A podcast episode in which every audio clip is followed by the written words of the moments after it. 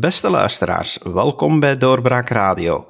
Ik ben David Geens en vandaag heb ik een fantastische gast in onze virtuele podcaststudio, met name mevrouw Anja Meulenbelt.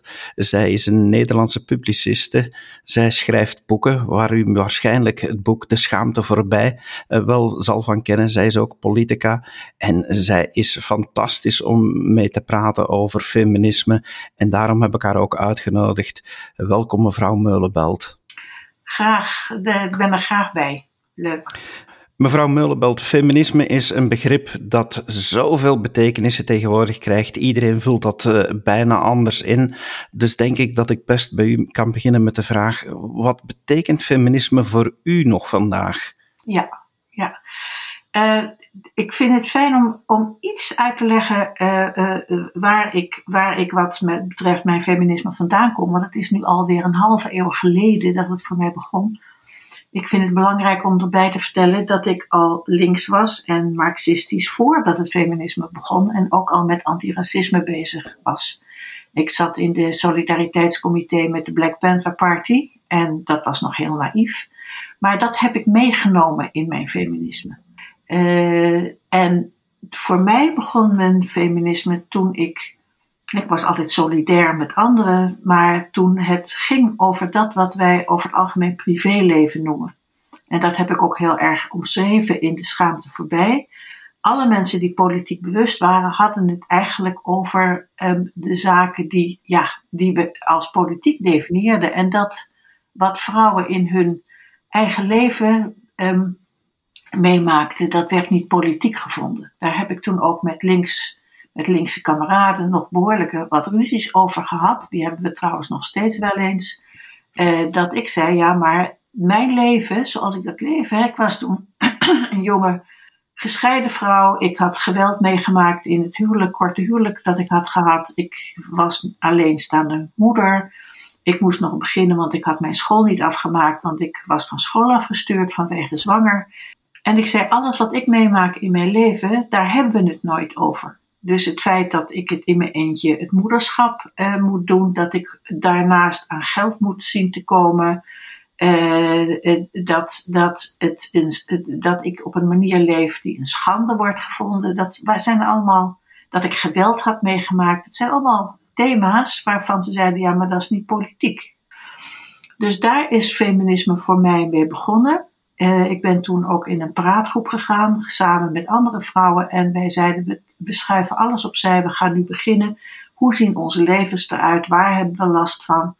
Um, en uh, daar hoort feminisme ook over te gaan. Niet alleen maar over legalisering van uh, abortus of over gelijke lonen. Hè, dat wat allemaal een beetje aan de buitenkant zit. Maar ons, ons, wat wij ons privéleven noemen.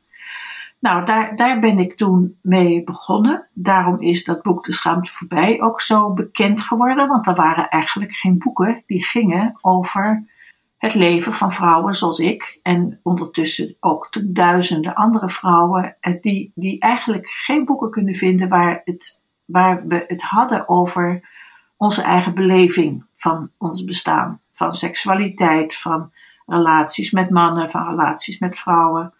Nou, dat is voor mij de, de, wat heel belangrijk is als ik het over feminisme heb.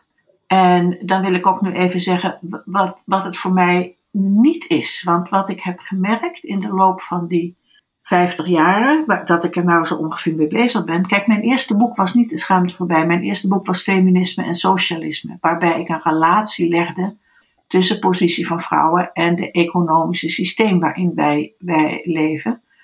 En wat ik gemerkt heb in de afgelopen 50 jaar, dat als je aan mensen vraagt waar gaat feminisme over, dat de meeste mensen zeggen ja, dat gaat over gelijkheid tussen mannen en vrouwen en over gelijk loon en dat soort zaken. En dan hebben ze het over eh, vrouwen, hoeveel vrouwen er aan de top zitten. En dan gaan ze hoogleraren en, en parlementariërs tellen. En dan blijkt dat er altijd meer, overal waar de macht zit, meer mannen zitten dan vrouwen. En dat is allemaal waar. Dan hebben ze het over het doorbreken van het glazen plafond. Dat is natuurlijk ook een punt. Maar daarmee zitten we wel op een bepaalde laag van de maatschappij. Als we nou bijvoorbeeld kijken naar het idee van gelijk loon. Hè? Vrouwen zouden gelijk moeten betaald moeten worden aan mannen. Maar dan de vraag, aan welke mannen? Aan welke mannen? Dus dan betekent het dat we eigenlijk ervan uitgaan dat vrouwen gelijk moeten verdienen aan de mannen in hun sociale laag van de maatschappij. Maar welke vrouwen hebben hier helemaal niks aan? Dat zijn dus de vrouwen die bij Delhaize of bij Albert Heijn achter de kassa zitten. Want met wie moet je hun, hun inkomen vergelijken? Met de mannen die de vakken vullen, die verdienen ook bijna niks. Uh, dus daaraan zie je hoe belangrijk het voor mij is om uh, ook socialistisch te denken, ook klasse niet te vergeten.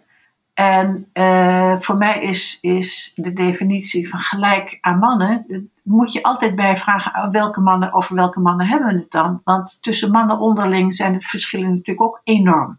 Nou, dat is voor mij een reden waarom ik eigenlijk zeg: feminisme kun je eigenlijk alleen maar doen als je altijd ook naar klasse en naar kleur kijkt en bedenkt over welke vrouwen je het hebt. Want vrouwen zijn niet één groep die allemaal dezelfde problemen hebben. En zoals ik wel eens zeg, eh, er zijn vrouwen, een groot deel van de vrouwen komt van hun leven nooit in de buurt van een glazen plafond, maar de meeste mannen ook niet. Nou, als je mijn, ik heb gedacht, wat is nou mijn beste definitie van feminisme? En ik zeg dat maar kort door de bocht. Eerlijk delen en niet slaan. Dan hebben we twee thema's. Eén heel groot thema, eerlijk, eerlijk delen. En dat gaat niet alleen maar eerlijk delen tussen mannen en vrouwen, maar ook tussen vrouwen onderling bijvoorbeeld. Uh, dat verwijst naar het feit dat we in een klassenmaatschappij uh, leven uh, waarin de verschillen tussen arm en rijk enorm zijn en alleen maar groter worden. Dus je kunt wel gaan kijken naar hoe het zit met de salarissen van hoogleraren aan de universiteit en kijken of dat al gelijk de vrouwen daar gelijk zijn aan mannen, maar dat is maar zo'n ontzettende kleine laag van onze samenleving. Dus voor mij is het eerlijk delen en ik neem dat breed ik barst daarmee uit de definitie die we vroeger hadden over feminisme, want dan gaat het niet meer alleen maar over mannen en vrouwen. Het gaat er om, eigenlijk voor mij is de vraag niet alleen wat is er goed voor vrouwen, de vraag is inmiddels echt in wat voor samenleving willen we leven. Ja, ja.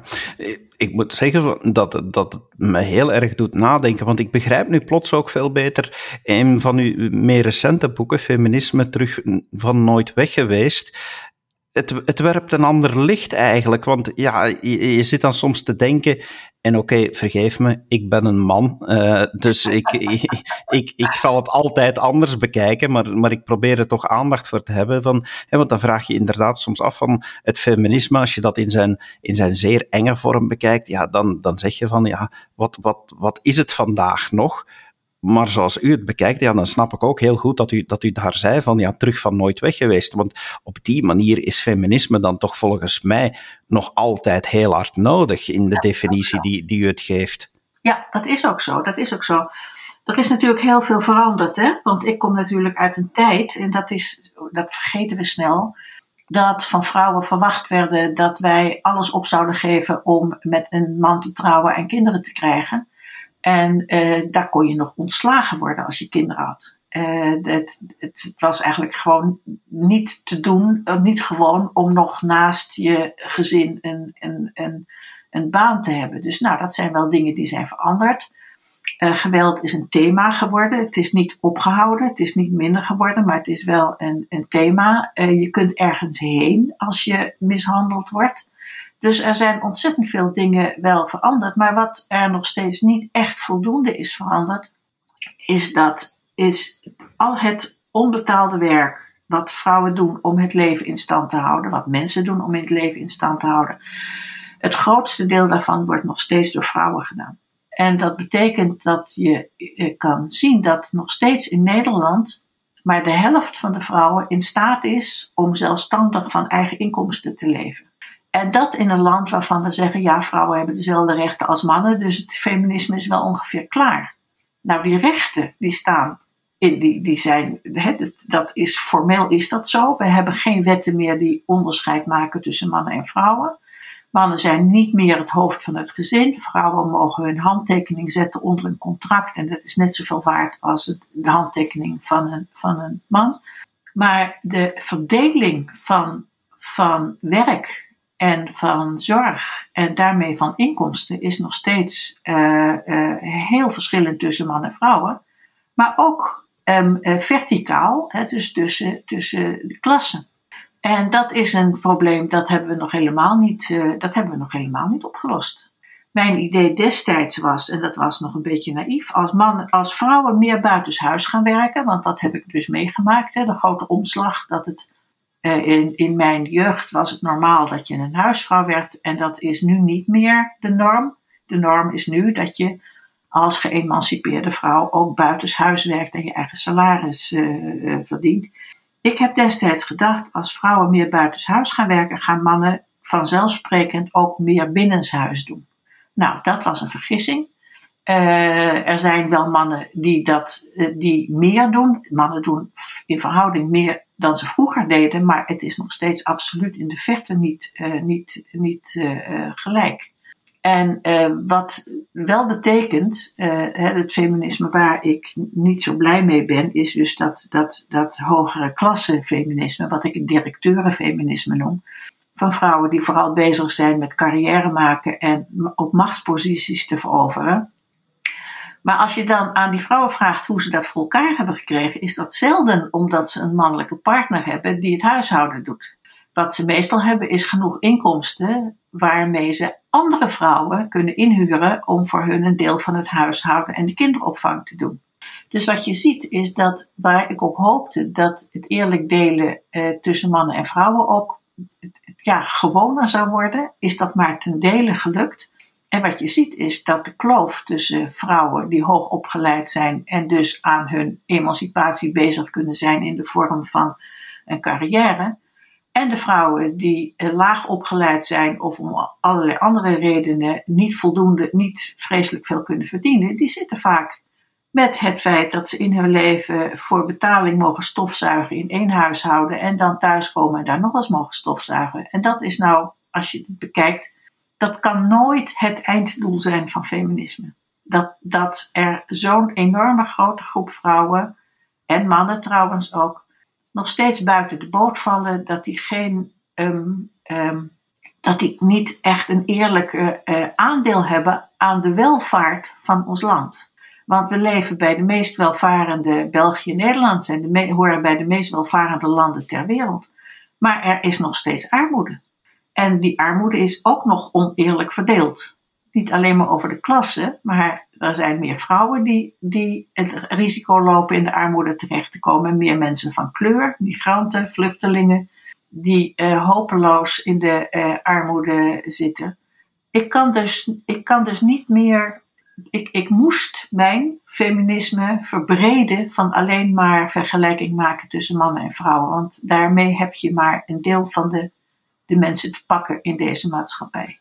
Ik sta een beetje verbluft, want in tien minuten bent u er niet in gelukt om mij doen te realiseren van oké, ik, ik, bekeek het helemaal anders. Ik heb zoiets van oké, hier gaat mijn vragenlijstje. Uh, uh, de meeste dingen zijn, zijn nu per definitie anders geworden. Want ja, zoals u het stelt, het feminisme is niet iets wat, wat, wat voltooid verleden tijd is of wat nu helemaal anders moet gedefinieerd worden.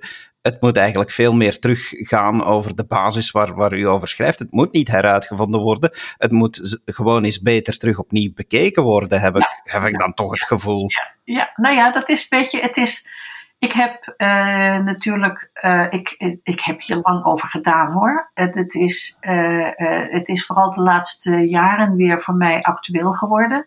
Omdat, nou ja, ook omdat ik in de politiek zat en me ook meer moest bezighouden met de verschillen tussen, tussen arm en, en rijk. Maar ik ben er, bijvoorbeeld, de, de, de vraag is, um, hoe komt het dat het feminisme nog steeds voornamelijk in handen is van hoger opgeleide vrouwen? Dat is omdat de, de, de, de domestic workers die uit het buitenland komen en voor ons het huishouden komen doen en op onze kinderen komen passen en hun kinderen zelf in hun eigen land hebben achter moeten laten. Um, en de mensen die in de schoonmaak zitten. Uh, en de mensen die, die onderaan in het, in het hele um, medische circuit zitten en de, de, in de ziekenhuizen schoonmaken en bedienen enzovoort. Daar wordt, daar wordt te weinig op gelet. Die voelen zich ook vaak geen feminist. En waarom niet? Nou ja, omdat het feminisme hen niks te bieden heeft. Een glazen plafond, wat, waar heb je het over? Dus eh, voor mij is het eh, heel belangrijk om er nu over na te denken dat allerlei initiatieven die ik zie, van, uh, ook van vrouwen die, die ja, het soort werk doen wat wij niet interessant vinden, dat die reden hebben om zich niet betrokken te voelen bij, bij feminisme. Nou heb ik een, een mooi voorbeeld van hoe het ook kan uit Gent. Dat is dan, uh, want, want uh, ik vind dat het feminisme in België doet het helemaal niet slecht. in België zijn, is, het nog, is het gelukt om de organisaties nog een beetje in stand te houden. Wij moesten alles, wij hebben alles laten vallen, dus wij moesten alles weer opnieuw bedenken. Um, in Gent bij de universiteit hebben de vrouwengroep daar heeft besloten om uh, de Internationale Vrouwendag te wijden aan de positie van het schoonmakend, het zorgpersoneel. Uh, dat zijn uh, over het algemeen vrouwen met een migrantenachtergrond die heel weinig verdienen. En ze hebben echt een solidaire actie opgezet. En ik was blij dat ik daarbij mocht zijn en dat ik ook wat mocht komen vertellen. Um, en wat ik zag is dat er mensen hè, met een universitaire opleiding uh, uh, zich solidair maakten met de mensen die voor hen de broodjes smeert en de, en de, de ruimte schoonmaken, dat daar ook de vakbeweging bij was, dat daar feminisme van buiten bezig waren en dat de mannen die aan de universiteit werkten, daar stonden om broodjes te smeren en koffie te zetten. Nou, dat vond ik nou echt, dacht ik, kijk, dit, hier moeten we heen dat we de mensen die het, uh, het, het, beter hebben, uh, zich werkelijk uh, solidair verklaren met mensen die het slechter hebben.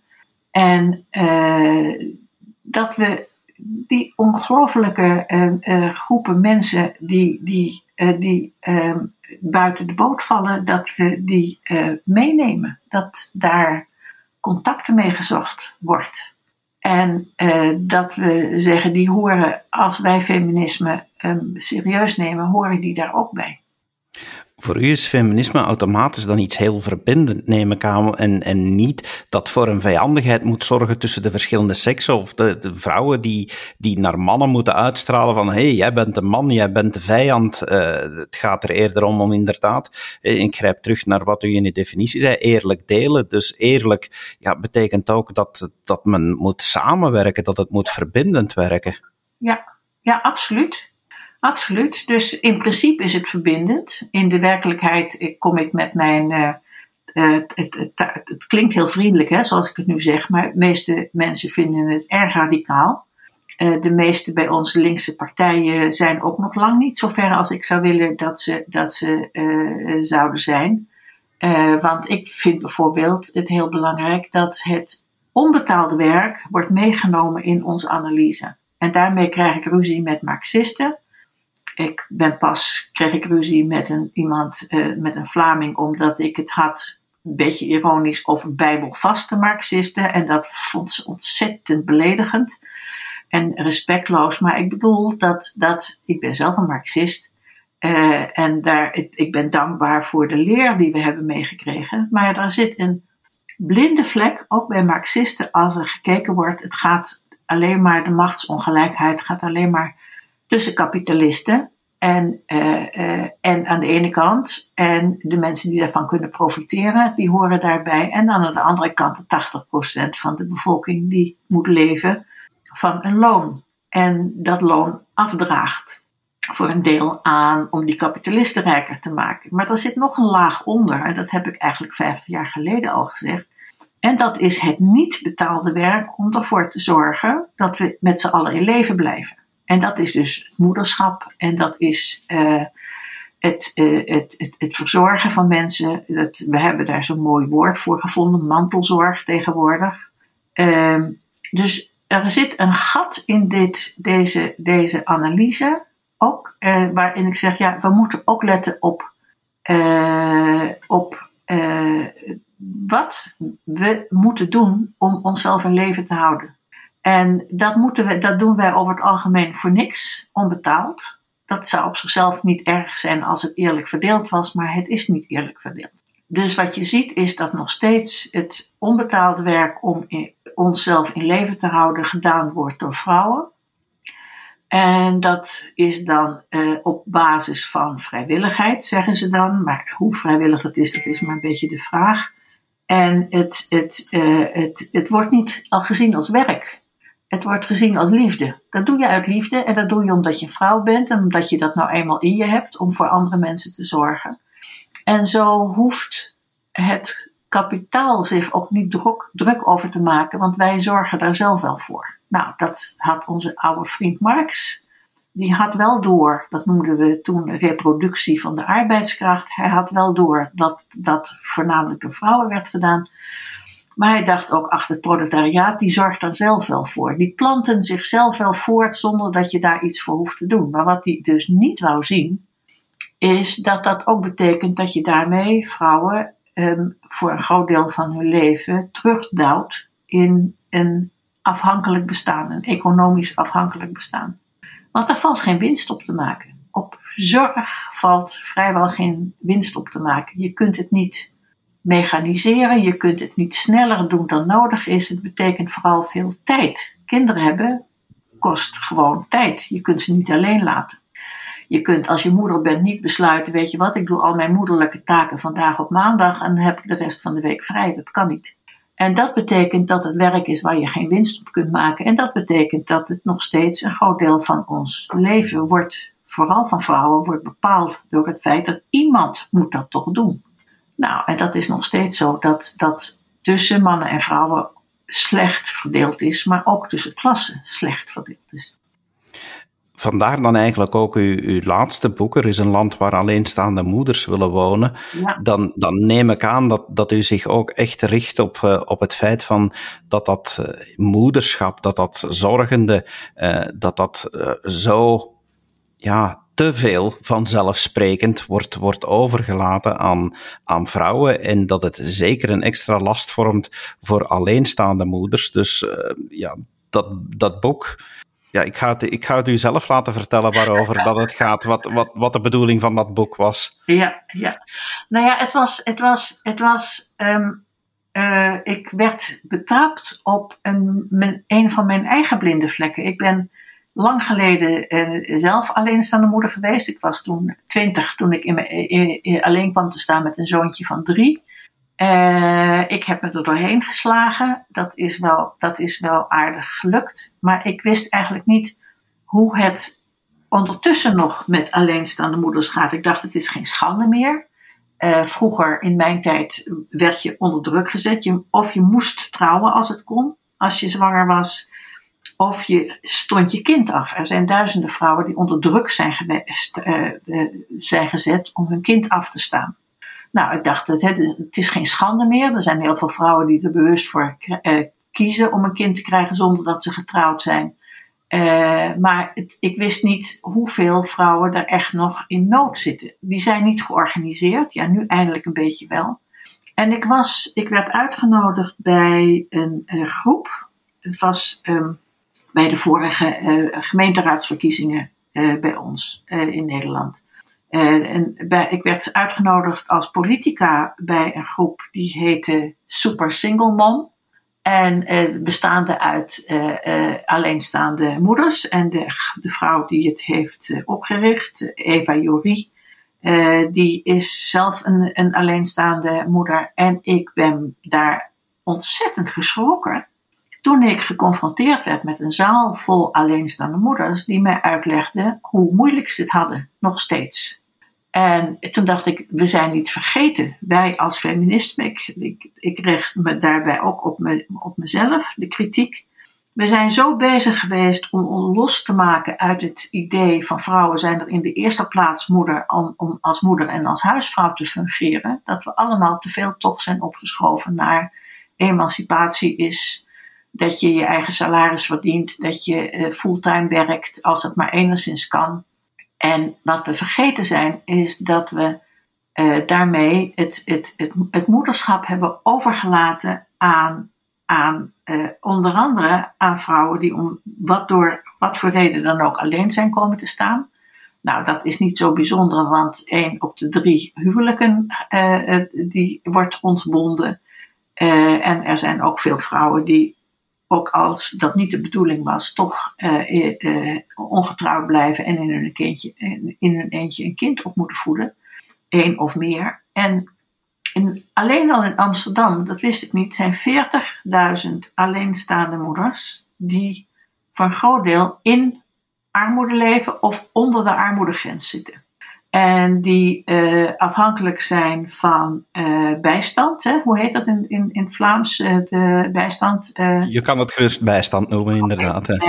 of moeten rondkomen van een halve baan. wat dan heel moeilijk te combineren valt met, met, met de opvang van de, van de kinderen. Nou, in, Nederland heeft zich ook een ontzettend drama afgespeeld uh, rondom kinderopvang. Omdat je uh, van bijstand kun je ook met kinderen niet leven. Dus zijn er dan allerlei toeslagen voor kinderopvang. Maar daar zijn fouten mee gemaakt. En dan zijn mensen daardoor ontzettend in de schulden gekomen. Ik uh, zat daar naar die, naar die vrouwen te kijken en naar te luisteren. En ik dacht van, maar dit wist ik niet. We hebben iets laten vallen. We zijn vergeten dat het gaat om een balans te vinden tussen zorg en betaald werk. En dat het feminisme nooit kan zeggen: wij willen alleen maar dat iedereen, alle vrouwen betaald werk doen en vergeten wie dan al die onbetaalde zorg moet doen.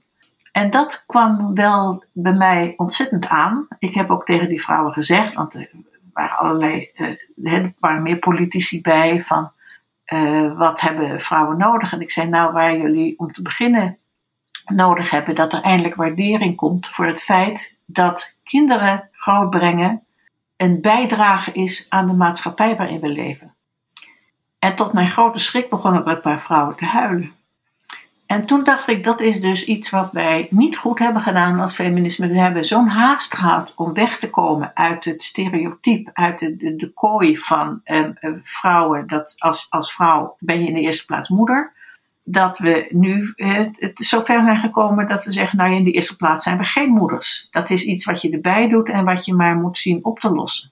Nou, dat is dus, zoals gezegd, voor vrouwen met een, met een hoog inkomen of met een partner met een hoog inkomen nog wel te doen, omdat je dat voor een deel door anderen kan laten doen. Maar dat is als je niet zo'n hoog inkomen hebt en ook niet zo'n hoge opleiding hebt gehad en niet zo makkelijk geld kan verdienen en van een halve baan al helemaal niet kunt leven, is dat echt tamelijk rampzalig. En dat is een punt waar ik op ben gekomen dat ik zeg, we leven in een samenleving waarin je als vrouw geacht wordt te werken alsof je geen kinderen hebt. Want dat vinden we geëmancipeerd. Minder dan een volle baan is eigenlijk niet geëmancipeerd. Tegelijkertijd worden we geacht om onze kinderen um, uh, het, het te verzorgen alsof we geen werk hebben. Want hoe je dat voor elkaar krijgt, dat moet je zelf maar uitzoeken. Daar is, uh, kinderen krijgen, zegt iedereen, dat is vrijwillig, dat is een eigen keuze. Uh, je mag niet verwachten dat andere mensen daarvoor betalen, uh, alsof het een soort luxe hobby is. En ik denk, daar is iets echt misgegaan. Daar is iets echt misgegaan. Ik heb ook iets laten vallen als feministe. Dus toen dacht ik, nou ja, nou moet ik nu maar. Dus uh, ik heb nog wat goed te maken. Dus dat ben ik nu aan het doen. Ik ben nu vrijwilliger bij die organisatie van alleenstaande moeders. En ik heb daar ook over geschreven. En ik probeer het ook politiek te maken. Niet alleen maar opvang, maar de, de, politieke uh, partijen onder druk te zetten om te zeggen van dit is dus armoede. En dat laten wij bestaan. En daar doen we niks aan.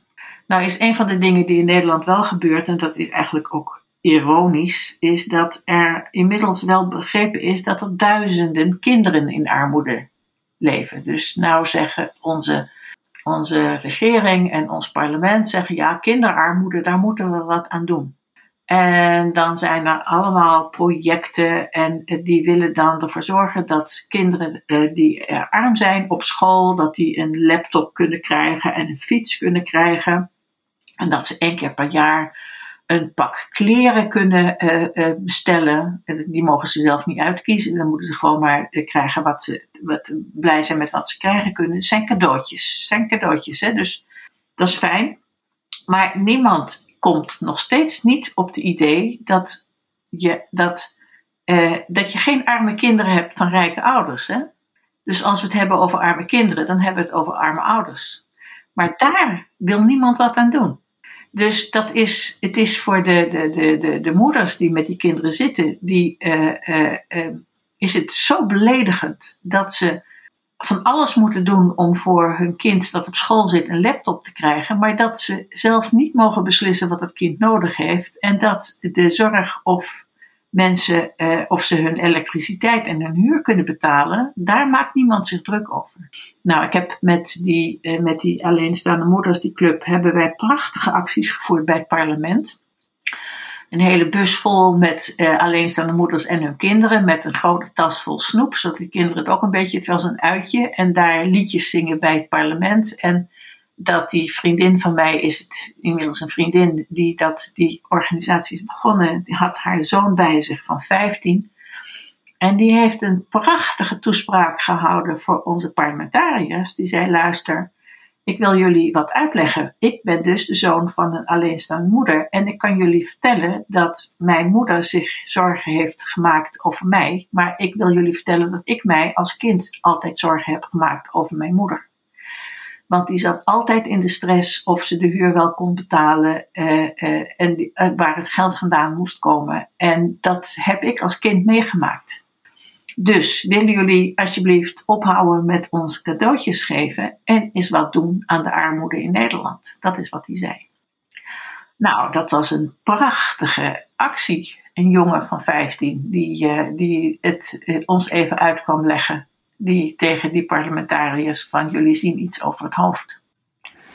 Is het dan zo dat je eigenlijk kan zeggen dat, dat binnen het feminisme dat het moederschap als valabele keuze uh, een beetje onderbelicht is, is gebleven en dat het nu heel belangrijk is om, om dat terug meer licht te geven, gecombineerd met wat u zei, ook het eerlijk delen. Want ja, je hebt alleenstaande moeders, maar je, je, kan ook gaan zeggen, ja, het moederschap is, is in veel gevallen, eh, waar er toch nog een man aanwezig is, een gezamenlijke keuze. Dus ook daar moet er meer gedeeld worden. Praten we dus over ouderschap. Dus belangrijk onderdeel van het feminisme is nu om, om de moeders toch, toch een beetje dan terug meer naar voren te brengen. Ja, ja, en dat klinkt heel ouderwets, want kijk, het zijn natuurlijk altijd onze christelijke partijen, tamelijk conservatieve partijen geweest, die het hadden over hè, het behoud van het gezin. Nou, wij als, als, als uh, uh, radicale feministen vonden dat nadruk op het gezin, vonden wij dus ontzettend uh, ouderwets en helemaal niet emancipatorisch omdat wij dat altijd hebben geassocieerd met het gezinsleven zoals de christenen het voorstellen. Dat is vrouwen in de keuken en, en in, in de kinderkamer en mannen die naar buiten gaan om het geld te verdienen. Maar van de weeromstuit zijn wij vergeten dat, dat we om als samenleving verder te kunnen, hebben wij moeders nodig. En vaders, eh, bij voorkeur. Maar de werkelijkheid is dus dat het grootste deel van de zorg uh, op, de, op de schouders van moeders terechtkomt. Ik had een tijdje geleden kreeg ik ruzie met een vrouw die, uh, die hoorde mij daar iets over zeggen. En die zei toen: Luister, ik heb bewust voor gekozen om geen kinderen te krijgen. En nu word ik geacht mee te betalen aan de kinderen van anderen. Dat vond zij ontzettend onrechtvaardig. En daar moest ik wel even over nadenken. En toen dacht ik: Ja, wacht eventjes wij zijn allemaal afhankelijk van de kinderen van anderen. Dus ik kreeg echt ruzie met die mevrouw. Ik zei: luister, als u straks in het ziekenhuis ligt, bent u afhankelijk van de kinderen die door andere mensen zijn geproduceerd. Want er moeten mensen aan uw bed staan, er moeten mensen zijn die u verzorgen, er moeten mensen zijn die uw huishouden voor, uh, voor u doen, uh, uh, die de vuil ophalen, die achter de kassa zitten in de supermarkt. Dat zijn allemaal kinderen van anderen. Wij zouden helemaal niet meer bestaan zonder de kinderen van anderen. Dus toen werd het mij opeens duidelijk dat we, dat we um, ons hebben laten vertellen dat moederschap eigenlijk iets is van, nou ja, dat doe je er maar bij en dat is niet meer belangrijk. Terwijl ik denk van, dat, dat, zo kunnen we daar niet meer over denken. Het gaat erom uh, dat we uh, als met elkaar eh, mannen en vrouwen nadenken over in wat voor wereld willen we leven. En als we eerlijk delen ook echt serieus nemen, dan betekent het dat het feit dat, uh, dat iemand uh, tijd besteedt, een groot deel van haar of zijn leven besteedt aan het verzorgen van kinderen, dat dat niet alleen maar een privé ding is. Maar dat dat net zo politiek is en net zo bijdragen aan de samenleving. Ik bedoel, ik merk nu al dat op dit moment uh, uh, dus de, de, de, het, de onzekerheid stijgt voor veel mensen in onze samenleving. Dat is uh, ook voor mannen. Het betekent dat jonge stellen nu langer erover doen om te beslissen of ze wel kinderen willen krijgen. Want A, je moet er een, een woning voor hebben. Nou, Amsterdam is rampzalig als het gaat om beginnerswoningen voor, voor jonge stellen. Uh, je, je, moet dus zeker weten dat je een inkomen hebt waarmee je. Want kinderen, daar moet alleen maar geld bij. kijk, vroeger hadden we. Ja, ik praat maar door, hè, maar vroeger hadden wij. Ki waren kinderen ook je oude dagsvoorziening. Ik kom veel in de Gazastrook, daar krijgen mensen nog steeds veel kinderen kinderen die worden op een gegeven moment groter en dan gaan ze geld verdienen en dan dragen ze bij de familie en later zorgen ze voor je. Maar voor ons zijn kinderen een soort ja, restpost. Daar moet geld bij. Het kost alleen maar. En er zijn steeds meer jonge mensen die denken: Weet je wat? Uh, we hebben het al moeilijk zat. Uh, we willen geen kinderen of we stellen het uit. En nu is al de vraag of we in staat zijn om onze samenleving voort te zetten met het aantal kinderen wat er wordt geboren. En nou krijg je dus de, de ironie dat het duidelijk wordt dat als wij de samenleving voort willen zetten, dat we dan nood hebben aan migranten. Terwijl dat nou juist bij de rechterzijde van de politiek wordt gezegd: nee, die willen we, die willen we niet meer hebben. Dus Stel je nou voor, hè, Simone de Beauvoir die heeft destijds uh, uh, gezegd van dat, het, dat je als je als vrouw geëmancipeerd wilde zijn, moest je vooral niet gaan samenwonen, niet trouwen en geen kinderen krijgen. Nou, dat is als individuele keuze. Kan je dat, eh, kan je dat, is dat gerechtvaardigd? Dat is legitiem, dat mag je kiezen. Je bent niet verplicht om te trouwen, je bent niet verplicht om kinderen te krijgen. Maar Simone de Beauvoir heeft er nooit aan gedacht wat er met onze wereld zou beginnen als alle vrouwen dat serieus zouden nemen. Stel voor. We doen het niet meer. Het kost alleen maar geld. Uh, het, je moet het te veel in je eentje doen. We hebben er te weinig hulp en ondersteuning bij. Het wordt niet eens gewaardeerd dat we dat doen. Weet je wat? We doen het niet meer. Nou, dan hoeven we ons ook niet meer over het klimaat druk te maken. Dat is wel een idee, hè? Dan houden we gewoon op te bestaan. Dat, uh, dat zou inderdaad een hele andere wending geven aan de discussie. Ik denk ook, ja, ik had hier een afsluitende vraag, maar ik ga ze gewoon, ik ga ze gewoon wegwerpen van, is feminisme nog nodig? Ja, dat antwoord is nu wel heel duidelijk gegeven, van laat ons daar niet meer over discussiëren, van uh, het, is, het is gewoon nodig van, om het inderdaad op een andere manier te bekijken. En ik kan wel zeggen, ja, dat, dat zeker ook het, boek dat, uh, dat, dat nu uitgekomen is, er is een land waar alleenstaande moeders willen wonen, dat het, uh, dat het zeer aan te bevelen is, niet alleen aan mensen die met feminisme bezig zijn, maar ook zeker aan beleidsmakers of mensen die met het beleid te maken hebben. Dus mevrouw Meulenbelt, heel hartelijk dank dat u de tijd hebt vrijgemaakt om dit te willen toelichten. Nou, graag gedaan. Graag gedaan. We hebben het niet over de vraag gehad of, of feminisme zorgt dat mannen en vrouwen vijandiger tegenover elkaar kunnen staan. Maar misschien kunnen we, misschien kunnen we die gewoon overslaan dan. Wel, ik, ik, ik vind dit in het kader van het gesprek dat we nu hebben gehad, van vind, ik, vind ik dat het antwoord eigenlijk ja, als, zelfs als het zo is, als ik het zelf mag zeggen, ja, dan moeten mensen er zelf maar eens over nadenken van na ons gesprek. Uh, ik denk dat ze, dat ze zelf op nieuwe verrassende antwoorden zullen uitkomen. maar ik, ik ben er ook van overtuigd dat u uh, nog zeker dingen zult, uh, zult publiceren waarvoor ik u opnieuw zal contacteren. Want dit was, dit was een heel interessant gesprek en ik denk dat we dat zeker nog wel kunnen herhalen in, in, in toekomstige podcasts. want dit, dit toch een ander licht. Dank je wel daarvoor. Nou, heel graag gedaan. Was prettig.